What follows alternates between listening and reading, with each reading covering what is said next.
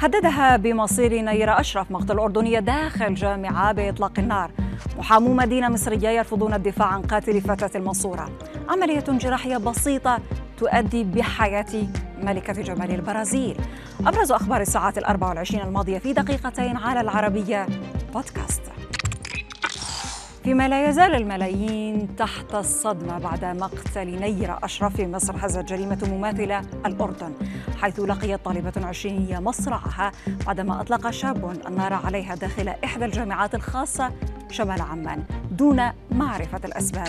مصدر أمني قال للعربية أن الطالبة إيمان رشيد توفيت داخل المستشفى متأثرة بإصابتها مؤكدا أن العمل جار على البحث عن القاتل الذي لاذ بالفرار فيما أطلق ناشطون واسم جامعة العلوم التطبيقية وهي الجامعة التي قتلت بداخلها الفتاة مطالبين بمحاسبة المجرم.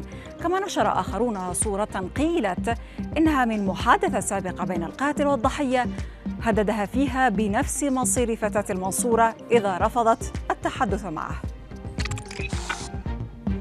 غضب مستمر ويتسع على مواقع التواصل ضد تصريحات الداعية المصري مبروك عطية والتي تزامنت مع مقتل نيرة أشرف إذ وجهت الفنانة أنغام انتقادا لاذعا غير مباشر لمبروك عطية قائلة فيه أخجلتنا. الداعية الشهير كان خرج في بث مباشر على فيسبوك. طلب فيه النساء بلبس الحجاب والاحتشام حتى لا يقتل. قائلا تحجبي كي لا تذبحي الأمر الذي أثار غضبا واسعا ضده. وسط مطالبات بضرورة القبض عليه ومحاكمته. رغم أنه حذف مقطع الفيديو لاحقا وألمح إلى أنه قد يكون اللقاء الأخير مع جمهوره. وفي مستجدات قضية نير أشرف أكد محاميها خالد عبد الرحمن.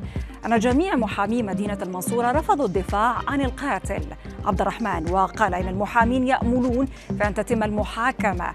من الجلسة الأولى. وبأن يتم تحويل أوراقه إلى مفتي الجمهورية لإبداء الرأي الشرعي. مشيرا إلى أن النيابة حددت الجلسة الأولى للمحاكمة في السادس والعشرين من يونيو الجاري وسط آمال بالحصول على حكم الإعدام فيها فورا. فيما تعد هذه القضية من أندر القضايا التي يتم إحالتها بفترة وجيزة بعد مرور ستة أيام فقط على ارتكاب الواقعة في سابقة فريدة من نوعها للقضاء المصري وإلى الأرجنتين هذه المرة حيث عادت وفاة دييغو مارادونا إلى الواجهة بعد إعلان قاض أن ثمانية أفراد من الطاقم الطبي الذي كان يعالج أسطورة الملاعب العالمية سيحاكمون بتهمة القتل غير العمد دون تحديد موعد جلسة المحاكمة. النيابة العامة تتهم الأشخاص الثمانية بالقتل بسبب الإهمال موضحة أنهم كانوا أبطال استشفاء منزلي غير مسبوق وناقص ومتهور. وقد يواجهون عقوبات بالسجن لمدة تتراوح بين ثمانية وخمسة وعشرين عاما. بما أوضح المجلس الطبي المكلف بالتحقيق أن علامات الخطر على الحياة التي ظهرت على مارادونا تم تجاهلها. وأن رعايته في أسابيعه الأخيرة شابتها نواقص ومخالفات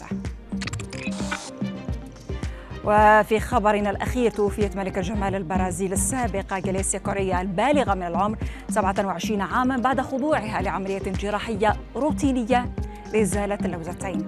صحيفة واشنطن بوست أوضحت أن ملكة الجمال السابقة عانت من نزيف حاد وأصيبت بنوبة قلبية بعد أيام على خضوعها للعملية بداية شهر إبريل الماضي.